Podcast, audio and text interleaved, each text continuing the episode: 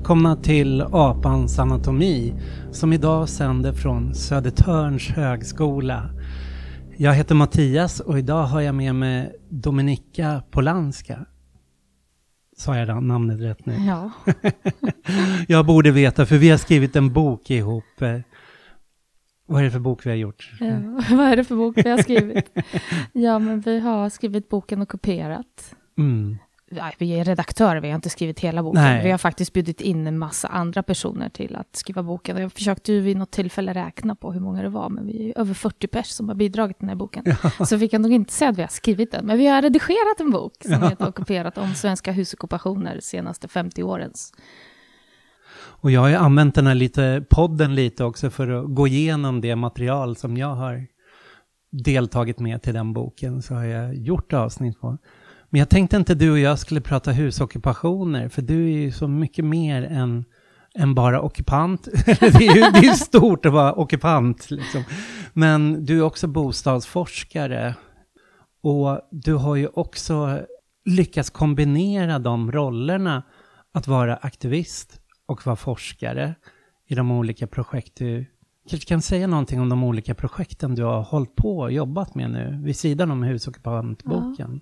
Ja, eh, du tycker ju att det var en lyckosam blandning. Ibland tycker jag att den är ganska eh, jobbig eller ja, kräver en hel del reflektion. Vi kommer nog säkert komma in på det.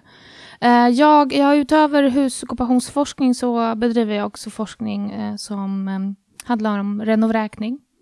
Eh, när renoveringar, omfattande renoveringar och hyresrätter leder till att folk eh, i slutändan måste flytta på grund av att de inte har råd att stanna kvar i sina lägenheter. Så där, eh, där kommer vi nog säkert också återkomma till. Men jag bedriver också forskning om eh, det här fina modeordet social hållbarhet i boendet. Eh, mm. Jag har ett projekt som jag leder som handlar om att hitta alternativ till em, eh, svensk bostadspolitik som den ser ut idag och alternativa lösningar för att göra den mer inkluderande och rättvis. Och eh, det här är ett projekt som har pågått i snart två år och där vi också jobbar väldigt med, nära andra än enbart forskare då. Mm. Praktiker och andra som eh, kan anses vara experter inom sina fält. Är du bara knuten till eh, Södertörn nu eller är du? Ja, jag är någonstans i ett mellanläge, så att jag har ju de senaste fem åren varit anställd vid Institutet för bostadsforskning eh, vid Uppsala universitet och inom två veckor så övergår min anställning till, att, eh, till ett lektorat här på Södertörns högskola. Och vad är Institutet för bostadsforskning? Då? Ja, eh, det är väl eh, ett av de institut som bedriver bostadsforskning i Sverige, bostads och urbanforskning. Det finns eh, fler, det finns ett annat som håller på med urbanforskning nere i Malmö. Och sen så finns det ett institut i Örebro. Men just Institutet för bostadsforskning kommer ju har funnits sedan 90-talet eh, och har funnits tidigare i Gävle och idag i Uppsala, är knutet vid Uppsala universitet. Ska bedriva forskning om den svenska bostadsmarknaden, eh, men även internationell bostadsforskning och urbanforskning lite bredare då, än bara bostadsforskning. Mm. Mm. Jag kan bara, om jag ska säga några saker, personliga saker om så här, min relation till universitetet. För jag har ju varit sån som, jag har en jädra massa universitetspoäng, men jag har bara ströläst kurser, A och B-kurser. Jag pluggar lite journalistik på en, på en folkhögskola, liksom. det är min enda lite avslutade. Annars har jag läst här, lite historia, lite sociologi, lite filosofi, lite religionshistoria. Men bara på, det heter väl inte så längre, A och B-nivå, men så fort det har kommit Jo, upp... vi, använder de här beteckningarna fortfarande De faktiskt. Ja. Ja, men så fort det har ABC. kommit upp på C-nivå, då har jag liksom, för jag har alltid jobbat parallellt och, och varit liksom aktivist, och då har jag tänkt så här, nej men nu tar det för mycket tid. Så min, min så här lockelse universitet har alltid varit att där finns här, teori, där finns kunskap, men jag har alltid sett mig lite så här Prometheus, man går dit och stjäl elden och snor den till. Jag har aldrig velat fastna i den biten, för jag har varit lite så här, men vad, vad ska jag forska för? Vem är det som kommer få del av den här kunskapen om man sitter där? Så här? Mm. Och tänkte att så här, det finns mycket vettigt inom univers- universitetet, men man kan inte göra någonting där. Mm. Men då är det så spännande att ha gjort saker med dig som verkligen har gjort saker och har haft universitetet också som plattform för det. Mm. För mycket av det du har sysslat med kallas ju aktionsforskning. Mm. Vad är det för någonting? Ja, det finns nog en hel del olika definitioner av aktionsforskning. Uh, jag tänker internationellt sett, uh, men även inom Sverige så var ju aktionsforskningen ganska stor på 70-talet. Och sen så kom det andra ideal inom vetenskapen och på universiteten som nästan tog över och eh, eh, ja, eh, nedvärderade aktionsforskning. Men aktionsforskning handlar om att forskningen också på något sätt ska antingen handla om, att, handla om aktion, alltså att, att det man forskar om på något sätt antingen leder till handling bland de som eh, deltar eller på något sätt eh, ta vara på eh, ganska praktisk kunskap bland andra, alltså inte enbart forskarens kunskap. Så det handlar ju väldigt mycket om att man skapar kunskap tillsammans med... Man, man intar inte en, den traditionella, så som vi föreställer oss, den objektiva forskarens eh, ut, utifrån perspektiv, utan snarare så forskaren den som deltar, men också tillsammans med andra aktörer och skapar kunskap kring någonting som ofta handlar om en kunskap som, är, alltså, som ska vara av relevans för de som då deltar i, den här, mm. i det här mm. medskapandet. Så det, har ju, det finns ju flera olika krav på vad egentligen aktionsforskning ska innehålla, men det är det här medskapandet och kunskap, att det på något sätt leder till handling eller förändring, social förändring eller social mobilisering. Människor mobiliseras i ett visst ämne, får kunskap om det, skapar kunskap tillsammans. Det ställer ganska höga krav på de som deltar, krav på reflektion, att reflektera över den här rollen, över maktstrukturer i rummet, över liksom vad vi förväntar oss av alltså forskarna, som, forskardeltagarna som finns med i den här processen. Um, väldigt mycket i aktionsforskning handlar om att kanske frångå det här idealet eller det som driver dagens forskning. Mm. Uh, från att liksom betrakta forskning som en sorts produkt mm. till en process. Mm. Att det är liksom under processen, det är processen i sig som är viktig hela vägen fram till produkten och produkten i sig har mindre värde än själva processen dit. Den här förändringen, det här medskapandet, hur vi gör och vilka som inkluderas i den här processen. är Så himla mycket, och reflektionen eh, runt omkring det här, himla mycket viktigt. Jag vet inte om det här sammanfattar någonting, men lite kärnan i hur man pratar om aktionsforskning idag. För när jag läste sociologi, då var det ju lite om man tar, går ut till exempel och gör intervjuer, liksom använder kvalitativa metoder då, liksom mm. och sitter och pratar med folk och samla in det så var det ju tänkt att ja, men du går ut, du har insamlingsfasen, gör dina intervjuer, sen går du tillbaks, renskriver det. Utifrån det så kan du göra en analys, kanske göra så här, kvantifiera eller liksom ta fram eh, någon teori ur det här och sen ska man presentera det då i en avhandling eller någon, någon form mm, av produkt. produkt. Mm. Men jag, jag har fattat aktionsforskning att det finns inte mer den slutpunkten, eller att det inte bara är en process fram till att komma ja. fram, utan det man har tagit fram också kommer leda till nya undersökningar. Ja, ny forskning, att det uh, har, har um, nyligen skrivit två texter till en bok om aktionsforskning som faktiskt redigeras från personer härifrån, Södertörns högskola. Och vi har, till, eh, vi har tillsammans diskuterat det här och uh, väldigt mycket kommit fram till att det är väldigt svårt som, som aktionsforskare att egentligen göra en sorts sorti ur fältet. Det går liksom inte. Det, alltså precis som du säger, det, finns, det är ju en process som nästan aldrig slutar. För du dras in och det handlar inte så mycket om produkt utan liksom ny kunskap, nya idéer som föds. Att kunna följa de här idéerna i framtida forskningsprojekt.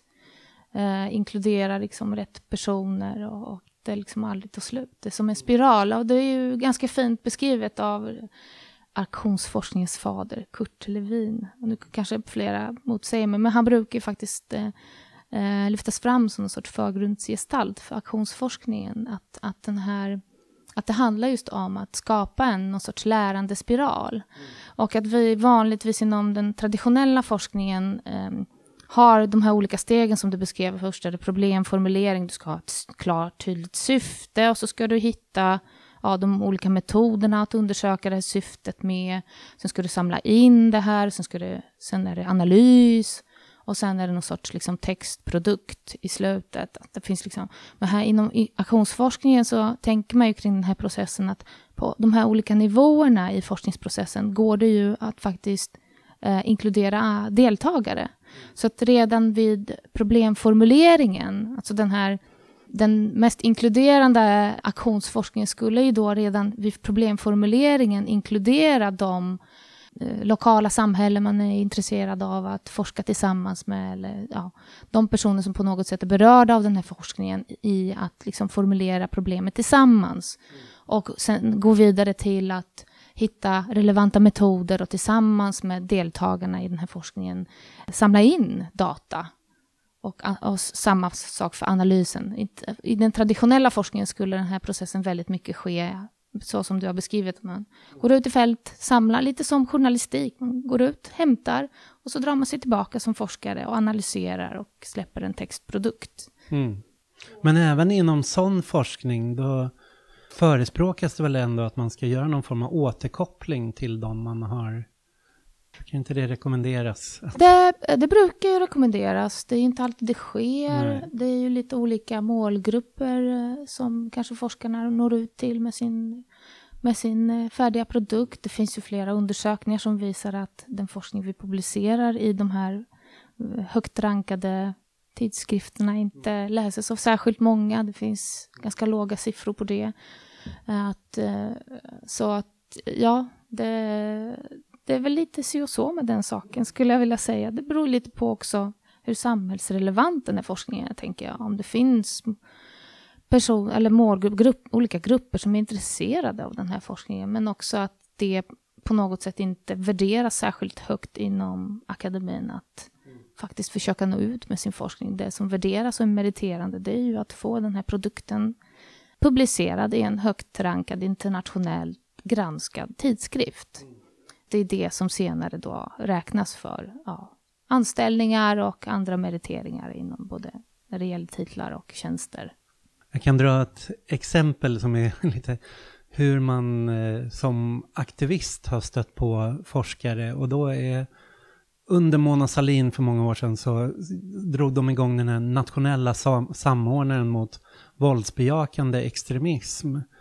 Och där hade de ju suttit och gjort definitioner. Det var ungefär samma personer som satt i Sverige och på Europanivå. Det var liksom en så här, vad man ska säga, en eh, cirkelprocess där de i samma svenska forskare satt i Europa och föreslog begrepp och sen satt man i Sverige och säger att ja, men de här begreppen kommer från europeisk nivå, vi måste börja tillämpa dem. Så här, som begreppet våldsbejakande till exempel istället för att prata om att våldsutövande eller terrorism eller vad, vad som faktiskt begår så är våldsbejakande ett begrepp som det innebär inte att du behöver göra olagliga saker utan det är bara att du har en viss synsätt på liksom hur eh, statens legitimitet. Men de som knöts upp till det där eh, Centrum för, mot våldsbejakande extremism, det var journalister som skrev alla rapporter och gjorde sina artiklar lite utifrån några intervjuer och mycket googlingar och lite småläsningar i tidningar. Och vi var så för, förbannade på det där och tyckte att eh, de strategier som användes mot oss från staten var baserat på de där journalisterna. Så tänkte vi om, om vi låter forskare få tillgång till våra rörelser så kommer det producera bättre kunskap och liksom kan sabba lite den där mytbilden som har byggts upp. Liksom, och att alla är svartklädda stenkastare och det är så här farligt. Och, eh, deras största idoler är raff och de vill bara... Så vi lät ett gäng forskare få tillgång och göra massor med intervjuer, delta på aktiviteter och så.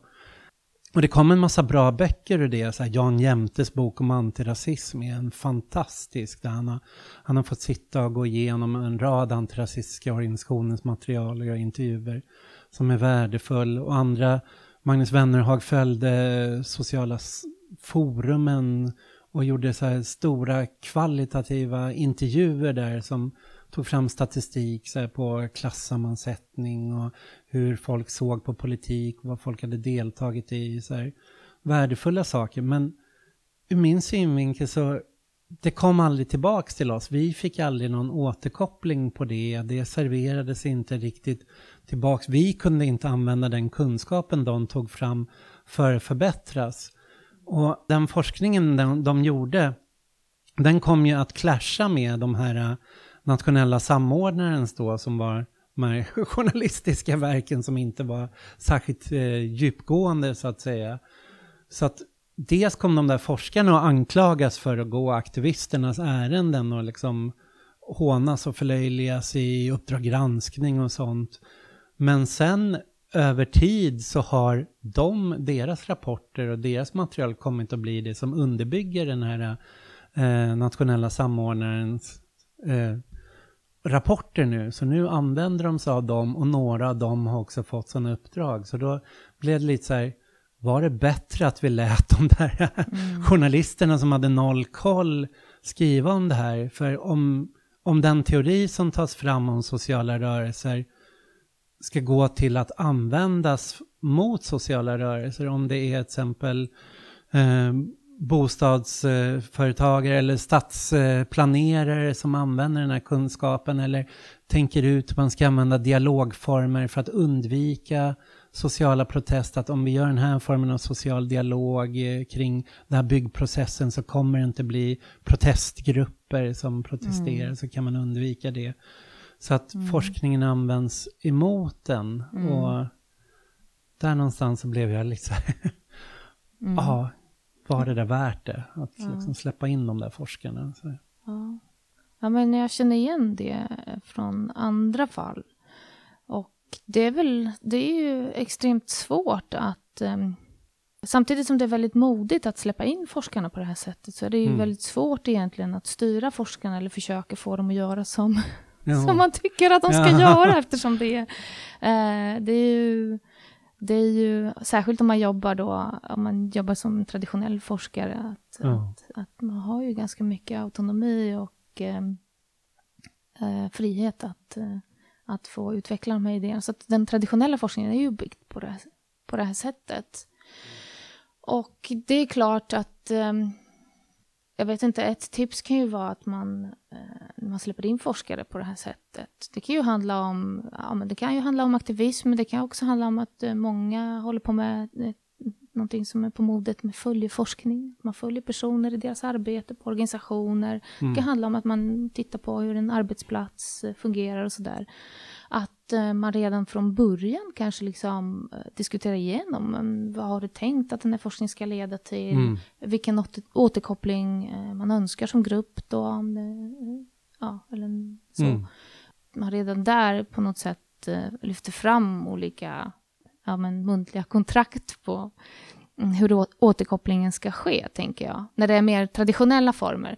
Sen är ju inte det lika vanligt med just aktionsforskning. För den ska ju motverka den här tendensen. Den, ska ju, den är ju väldigt mycket fokuserad på att, eh, att både plocka fram de problem som är relevanta för den här gruppen, men också att slutprodukten inte enbart blir en akademisk text, utan snarare en mer lättillgänglig text eller det mm. behöver inte ens vara en text, det kan vara, det kan vara en video, det kan vara en film, det kan vara en sorts pedagogiskt material som den här gruppen har nytta av mm. i sin liksom, fortsatta verksamhet eller så. Ah. Som kan leda till förändring, som kan liksom, ja, informera om vissa saker. Det kan ju finnas lite olika syften.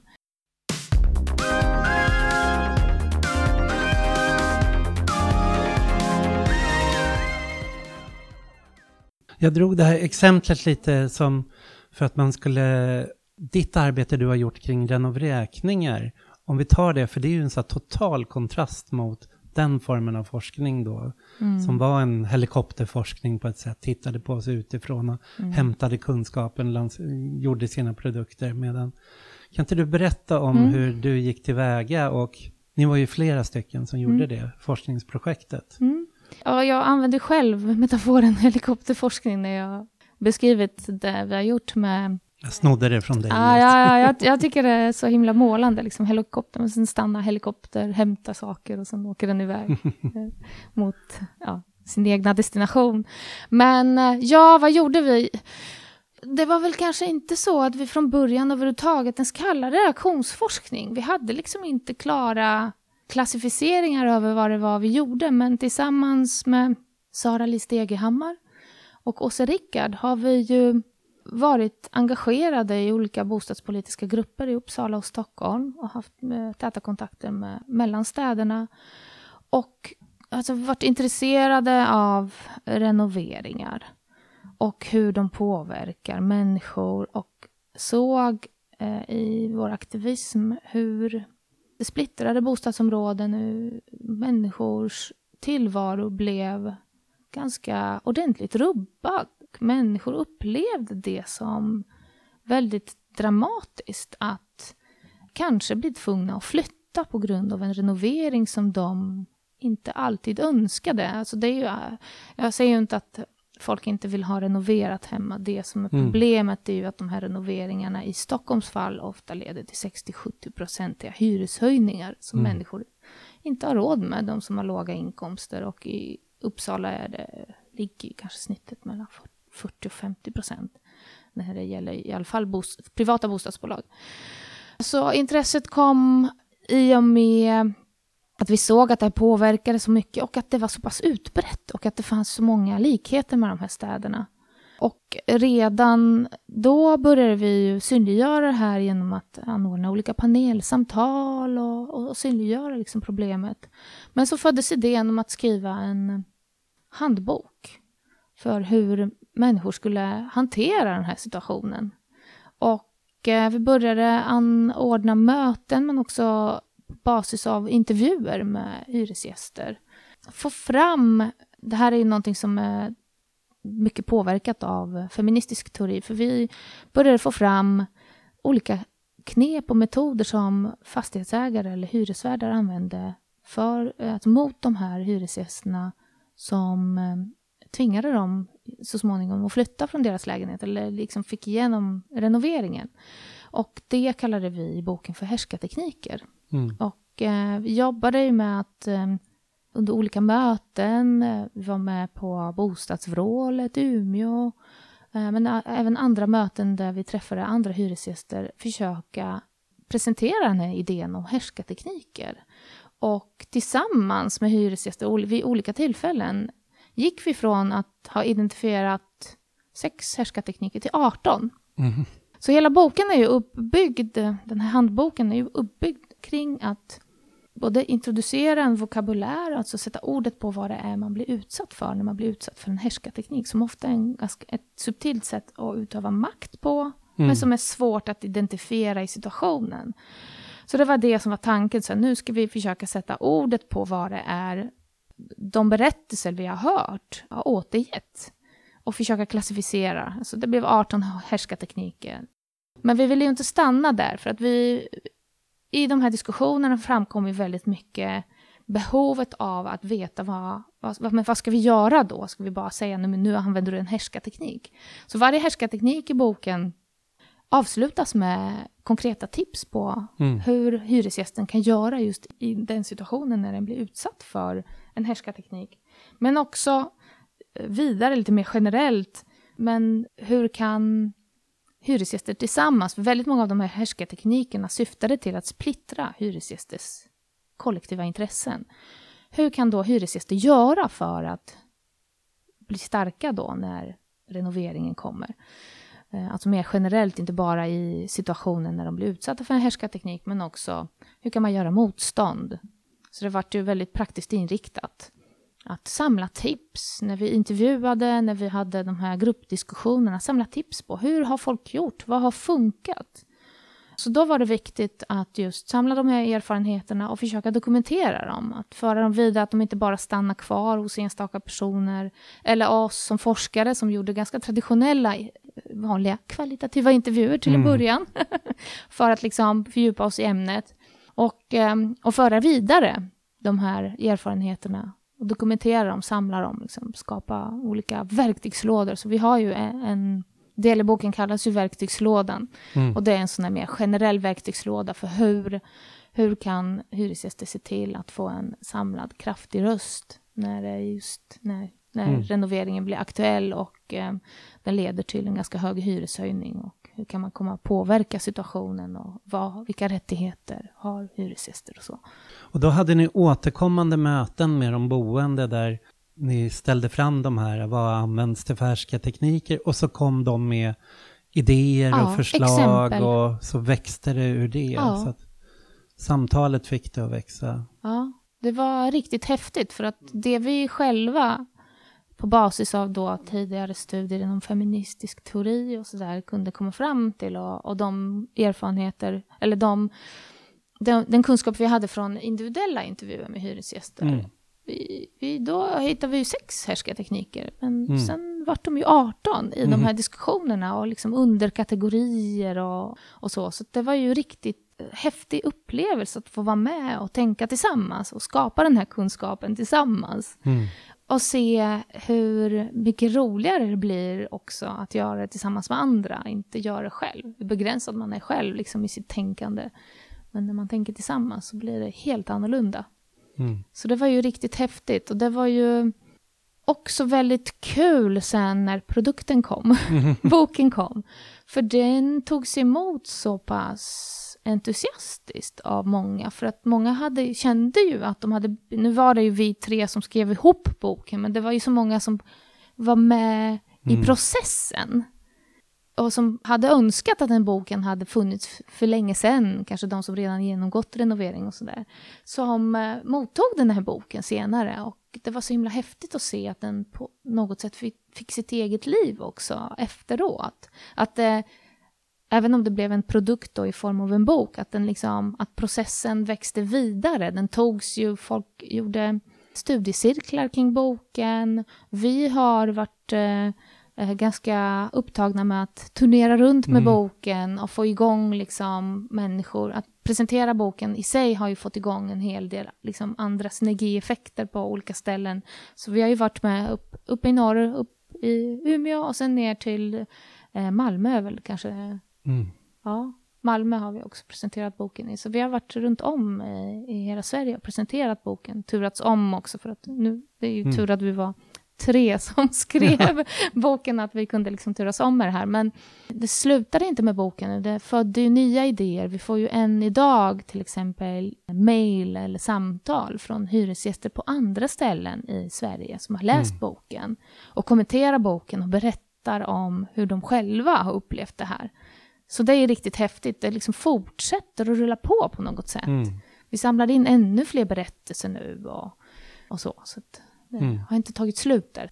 Och ni, ni är ju inte ensamma för det, jag tycker, jag har ju också varit med på ett hörn inom bostadsaktivismen de senaste åren och gått, det har uppstått de här forumen då som heter Bostadsvrålet som en rad olika organisationer från lokala hyresgästföreningar till Jag vill ha bostad, Allt åt alla, olika stadsdelsgrupper, ort till ort. Alla har deltagit eh, med ett, eh, ja, men ett väldigt aktivistiskt perspektiv, att det är byggt på vad man kan göra. Men där bostadsforskningen har varit väldigt närvarande på de här eh, träffarna, bostadsvrålet. Och Kommer du på fler andra områden som har varit, för bostadspolitiken ser jag nästan som en så här, det är en förebild där man kan se att sociala protester och forskning har lyckats stärka varandra och få en synergi mellan sig. Men eh, har vi andra områden där det är Ja, alltså, du tänker i Sverige då, ja. eller internationellt? För internationellt kan det ju vara att social rörelseforskning någonstans jobbar väldigt nära sociala rörelser. Det är nästan förutsättningen för att kunna studera sociala rörelser. Så är ju förutsättningen att personerna i sig någonstans har en, en nära alltså har både en närvaro och en nära relation till de sociala rörelserna. Men i Sverige, alltså det finns ju, jag tänker inom socialt arbete, det finns det ju väldigt mycket krav på att den kunskap man skapar ska vara praktik, praktiknära, den ska vara relevant mm. och, och så vidare. Så där, det finns det ju i alla fall ideal om att verka väldigt nära fältet, vi kallar mm. fältet, mm. liksom. Verka nära praktiken. Jag tänker organisationsforskning är ju också mm. väldigt duktig, men det är ju liksom ett, ett helt annat fält. Men organisationsforskning så är, som tittar på ja, men, olika organisationer, man kan omorganisera, de är också väldigt duktiga på att liksom finnas på arbetsplatser inom olika organisationer och försöka se hur kan vi förbättra verksamheten och så. Mm. Så det kan jag också komma på. Jag var ju nere och pratade på institutionen där för humanekologi hade en stor forskningskonferens med möte mellan forskare och aktivister om klimatförnekande och eh, vad man ska säga klimataktivism och eh, motstånd mot klimataktivism. Mm. Det var en häftig grej att de hade ju tänkt så att de blandade med forskarseminarieformen med aktivistpresentationer och aktivistmöten och jag kom in mer som journalist, eh, granskare av extremhögern än att jag hade någon akademisk koppling. Mm. Och de har ju gjort Institutet för humanekologi där. Mm. Vid sidan av det har ju Andreas Malm och de byggt upp som ett forskarkollektiv som eh, Setkin-kollektivet som är politiskt skriver texter, ger ut böcker och deltar i de här mobiliseringarna mot eh, kolkraftverk och kolbrytning som Ende Gelände och mot Premraff och sånt. Mm. Mm. Där har ju varit en verklig sån här också mm. synergi mellan Sen är det inom vissa queer-teori, queer mm. har ju också funnits en mm. närhet till kvinnorörelsen. Det jag tänkte på, och det som är stort både internationellt men även i Sverige, det är utbildningsvetenskaperna. De mm. arbetar ju väldigt mycket nära praktiken. De arbetar med olika pedagogiska modeller för, hur, liksom, för lärandet, hur man liksom förmedlar kunskap, hur man tillsammans skapar kunskap och så. Så de är ju mycket, de är nog långt före alla andra, tänker jag, mm. i hur man liksom jobbar nära praktik och, och gör det liksom mer kollaborativt och, och, mm. och medskapande på det här sättet. Men det finns ju som en syn att så här, neutral objektiv forskning, det är en forskning som kommer staten till godo, till exempel i stadsplanering eller någonting sånt. Eller så eh, att det kommer eh, näringslivet till godo och att eh, forskningen utvecklas i ett så privat-offentligt partnerskap där forskningen hjälper till företag att liksom mm. utveckla, vara innovativa och utveckla nya produkter, mm. nya områden och så. Det, det ses som objektivt neutralt medan att jobba nära sociala rörelser har kommit att uh, se som så suspekt eller att det är då är det politiserad forskning och någonting som universiteten inte mm. borde syssla med. Ja, det är lätt att det blir så, men jag tänker att det finns ju en viss kritik också mot uppdragsforskning mm. inom akademin. Så det ska vi nog inte stick, alltså sticka mm. under stol med, att det finns en hel del eh, kritik mot, att, mot samarbete med näringslivet eller andra, mm.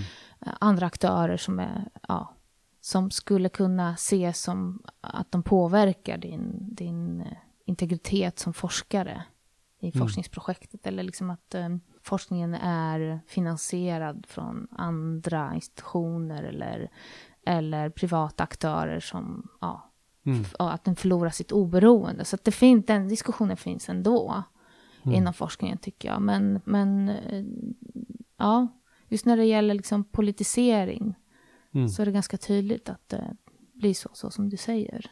Har du fått mycket kritik och, mot att ägna dig åt aktionsforskning? Att du har fått att det är, där är politiserad eller inte riktig forskning eller för, ja, men, för forskning som har gone native och blivit för nära det den Ja, men det har jag ju. Och det är ju oundvikligt för att inom forskningen så har vi olika vetenskapsideal, vi har olika syn på vad, vad som är kunskap hur forskning ska bedrivas. Finns det ens objektiv kunskap? och så. Så det är ju, det är klart att jag har fått kritik. Det, och jag är ju alltid beväpnad med olika motargument förstås. Men jag har ju, jag har ju inte alltid bedrivit aktionsforskning heller.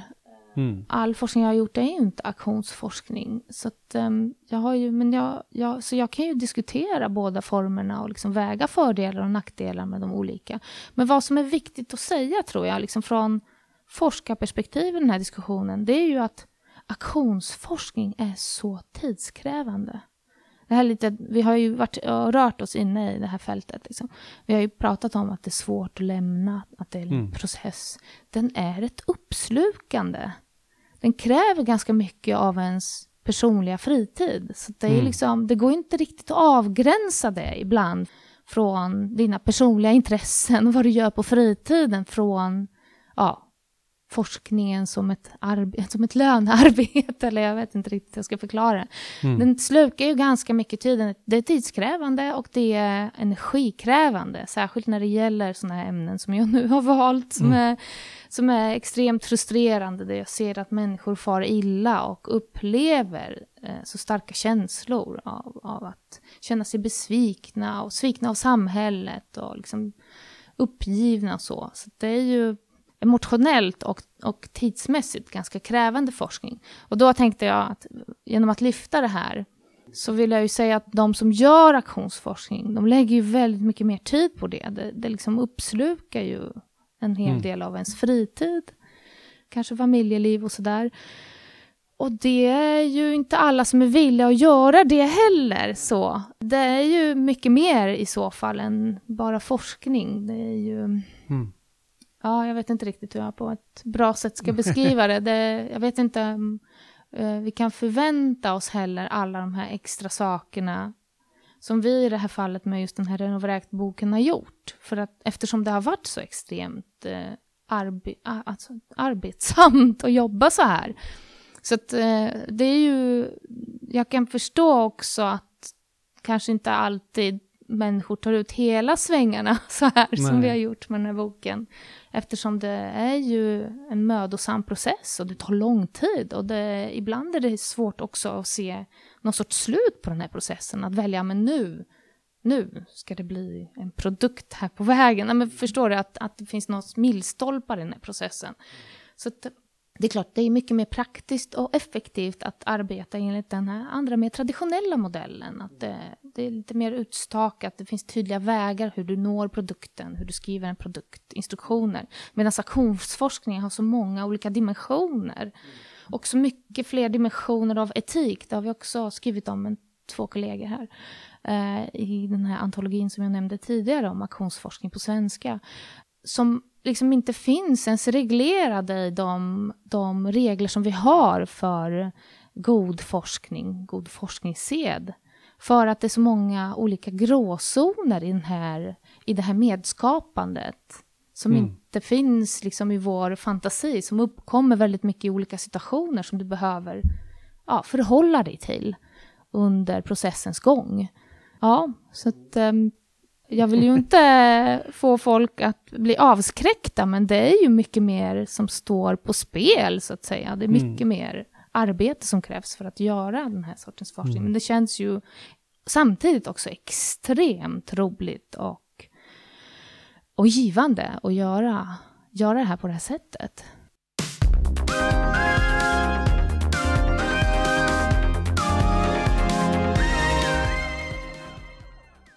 Det spännande som sker också inom vänstern, Timbro har alltid gjort det här. De har ju alltid så lanserat egna rapporter liksom, som har varit forskning eller kva, kvasiforskning. Så här. Jag var ju anställd under några år som sekreterare åt Centrum för marxistiska samhällsstudier.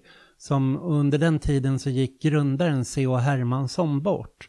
Vi organiserade en så här stor minnesdag med föredrag om honom. Och det jag tog med mig därifrån, det var ju att det speciella med CH var att han kombinerade att vara politiker, teoretiker och forskare. Han bedrev en forskning hur makten såg ut i Sverige, de här 15 finansfamiljerna som var en akademisk forskning. Men sen skrev han också teoretiska böcker där han liksom drog mer politiska slutsatser ur det här. Och så var han politiker och liksom använder det i sin politik. Och just den där uh, trion är liksom, jag ser det som ett så ideal att uppnå. Men det är ju inga sådana politiker vi stöter på idag som är så. Det skulle vara Levin, hon har ju liksom en sån gedigen forskare. mm men annars så stöter man inte på det. Men däremot så, CMS eh, har ju organiserat så här forskarträffar, forskarnätverk och jag vet att eh, Daniel Suonen och Katalys, de jobbar ju väldigt mycket så. De mm. tittar, vad finns det för intressant forskning? Hur kan vi låta dem släppa rapporter hos oss? Och man populariserar deras rapporter, gör det till enklare rapporter som, så att deras forskning når ut på ett sätt men som också ligger i linje med det Katalys vill verka för. Mm. Så där har de ju hittat den där kombinationen mm. och det finns ju en rad teoretiska tidskrifter som är akademiker men i sin tidskrift så kan de ta ut svängarna mer, liksom Fronesis till mm. exempel, en, en sån tidning. Eller, eller så har man oberoende institut som Centrum, eh, vad heter det i eh, Fittja? Mångkulturellt centrum. Mångkulturellt centrum mm. där som som jobbar som ett mellanting liksom mellan populariserande, lokalt eh, organiserande och har någon slags en viss forskning knutet till sig. Jag kan ju säga i, i samband med det här du nämner det, att en, det finns en viss trend nu från forskningsfinansiärer att faktiskt i du, om du söker forskningspengar, att du förbinder dig till att på något sätt popularisera din, mm.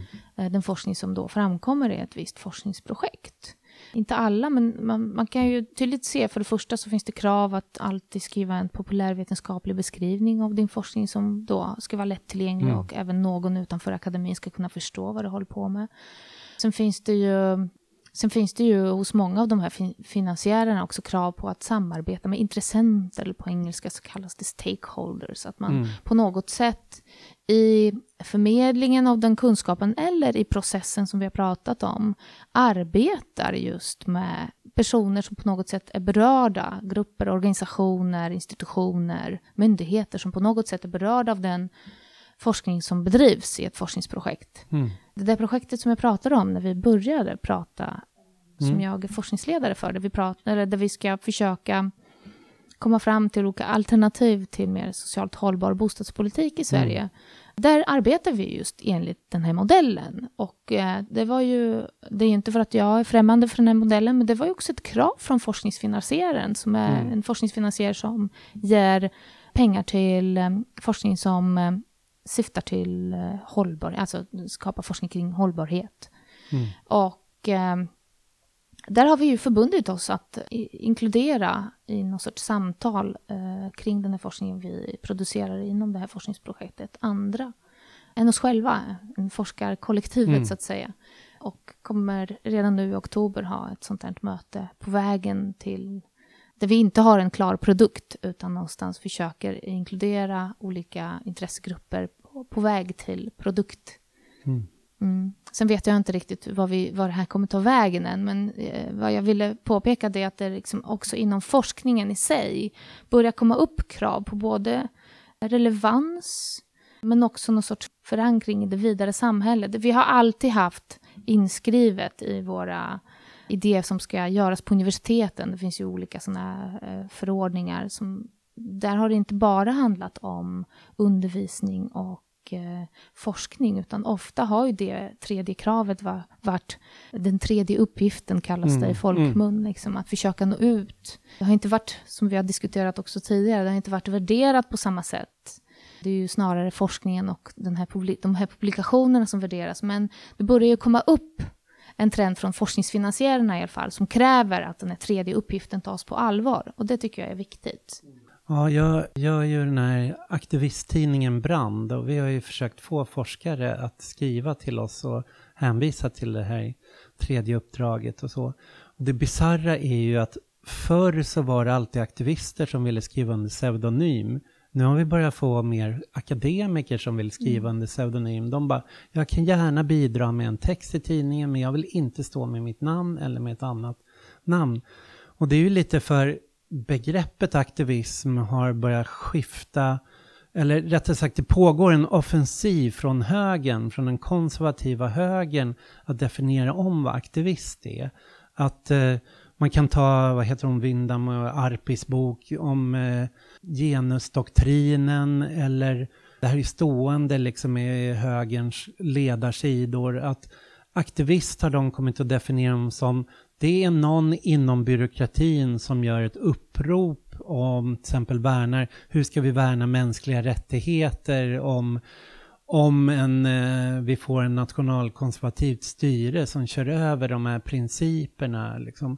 Eller om man inför jämställdhetsplaner och genuscertifiering. Eller försvarsadvokater som försvarar eh, asylsökande har kommit så att kallas aktivister. Och nu, nu var det de här eh, på Sveriges Radio som gjorde ett upprop i samband med Black Lives Matter och sa men kolla på representationen inom eh, public service, den är ju helt skev mot hur den ser ut i samhället i relationen vita, icke-vita, hur många som är, om det är 20 procent som är födda med utländska föräldrar i Sverige, men det speglas inte i media som är väldigt mm. vitt. Och det, det har ju de senaste dagarna i media bara från högerhåll Adam Schweiman gick ut så här, vi, det här, vi behöver journalistik, inte aktivism. Där de sysslar med aktivism. Mm.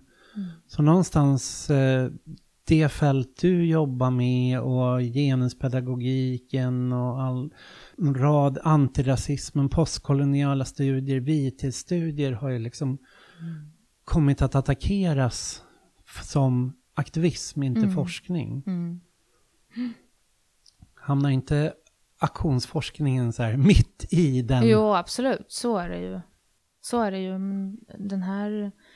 Eh, det är ju en sorts klassificering. Det här är ju ett sätt att... Det är ju ett sätt att sätta den här tredje uppgiften, alltså de som kanske gör den tredje uppgiften eller jobbar med aktionsforskning, i ett fack och försöka reducera det som egentligen görs, hela nyttan med att genomföra den här forskningen reduceras till ett, ett skällsord, att man använder just aktivism som en sorts skällsord för att avväpna det viktiga budskap som står bakom den här forskningen. Och då är det ju också viss form av humaniora och nu sitter vi på Södertörn men det har ju utmålats mm. liksom då som ondskans högborg i Sverige. Mm. nu när polisen har flyttats till Södertörn så ses det då som att nu håller de på att queerifiera hela poliskåren genom att ha de här, mm. tvingar alla att sitta och läsa Spinoza hela dagen istället för svinga en batong. Det kommer alltid finnas konspirationsteorier. Det är ju mera sprängstoff i, i, sprängstoff i den här forskningen. Den är ju på mm. något sätt liksom mycket mer... Eh, den är ju inte så isolerad från samhället. Den kan ju komma att påverka samhället i mycket större utsträckning. Därför blir den ju farlig och, och anses vara mm. farlig. Jag gjorde en annan podd eh, eh, som heter Gyllene Horden där vi pratar om autonoma rörelsens historia och då pratar vi om att autonoma traditionen kommer någonstans ur sociologin när mm.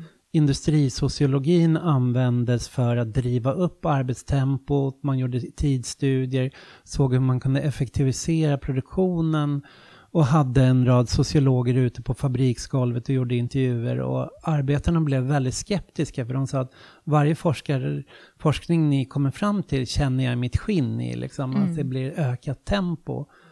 Och då inom eh, vissa marxistiska sociologer började då se till kan vi vända på det här? Att kan vi göra sociologisk forskning som dels fungerar som aktionsforskningen du har pratat om, mm. att den mm. blir, skapar kunskap och skapar deltagande och kan fungera som organisatoriskt redskap för, för fack eller för direkt för arbetarkollektiv, kanske till och med utanför facket. Och det är någonstans den kombinationen av den där sociologiska marksteorin som gick ut och mötte arbetsplatserna så mm. uppstod den här arbetarautonomin som blev autonoma rörelsen. Så. Mm.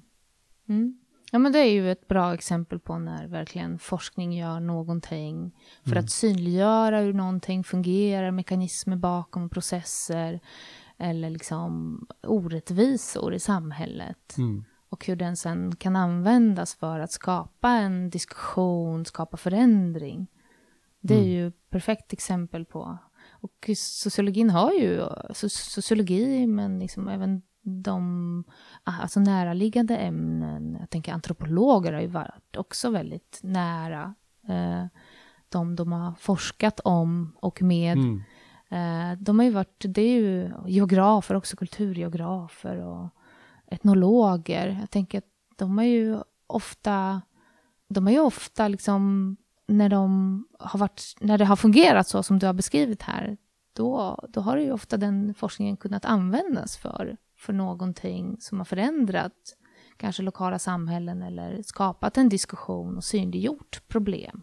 För bara en månad sedan så gick ju den eh, antropologen, den anarkistiska antropologen David Graeber bort. Eh, han eh, avled 59 år gammal plötsligt och han är ju känd från, eh, han skrev en bok Skuld som kom precis innan Occupy Wall Street och blev väldigt betydelsefull där och han deltog aktivt i Occupy Wall Street och myntade det här begreppet We are the 99% och sen har han varit aktiv i studentprotester, han har varit aktiv och stöttat Corbyn och varit eh, eh, stöttat Rojava väldigt mycket. Så han var ju verkligen en sån här förenade forskarrollen och aktivistrollen. Men inte bara att han var en forskare som också var aktivist, utan han har skrivit som ett litet manifest, eh, jag sitter och viftar med det här framför mig, Fragments of an Anarchist Anthropology, där han går igenom så här, vad poängen är att varför flera antropologer har varit anarkister och vad man som anarkist kan tillföra, inte bara vad antropologer kan tillföra aktivister, utan vad aktivister eller vad anarkister kan tillföra antropologin, där han tar upp eh, att det finns en rad ideologiska ställningstaganden som antropologisk forskning har vilat på, att man vill titta så här på hur har stadsformer växt fram, vilka samhällen har varit för svaga för att utveckla stadsformer eller för primitiva och vilka har inte utvecklat marknader. Och han har då kommit med den här synen, men tänk om det inte är så att de har varit svaga eller primitiva utan de faktiskt har utvecklat andra samhällsformationer, att det har funnits igenom hela historien så här, former av gåvoekonomier eller allmänningar eller ömsesidig hjälpinstitutioner som har gjort att staten inte kunnat etableras eller marknaden inte kunnat etableras. Mm. Och att därför anarkister har att bidra med någonting som gör forskningen rikare, producerar mer kunskap och, och sanning än, ja den visar liksom hur ideologiskt biased eller vinklad Mm. det som såg som objektivt och neutralt var. Mm. Lästips för alla. Ja, verkligen. Jag tycker att den boken väl på ett väldigt fint sätt plockar fram den kritiska blicken. Mm. Många om, antaganden om, om, ja, som präglar vårt samhälle idag, om just marknader och, och staten och statens roll. Väldigt mycket bygger på just antaganden och ideologiska antaganden. Mm. Mm. Mm. Om hur saker och ting ska fungera och vad som är bäst. Mm. Så lästips för alla som sagt. Ja.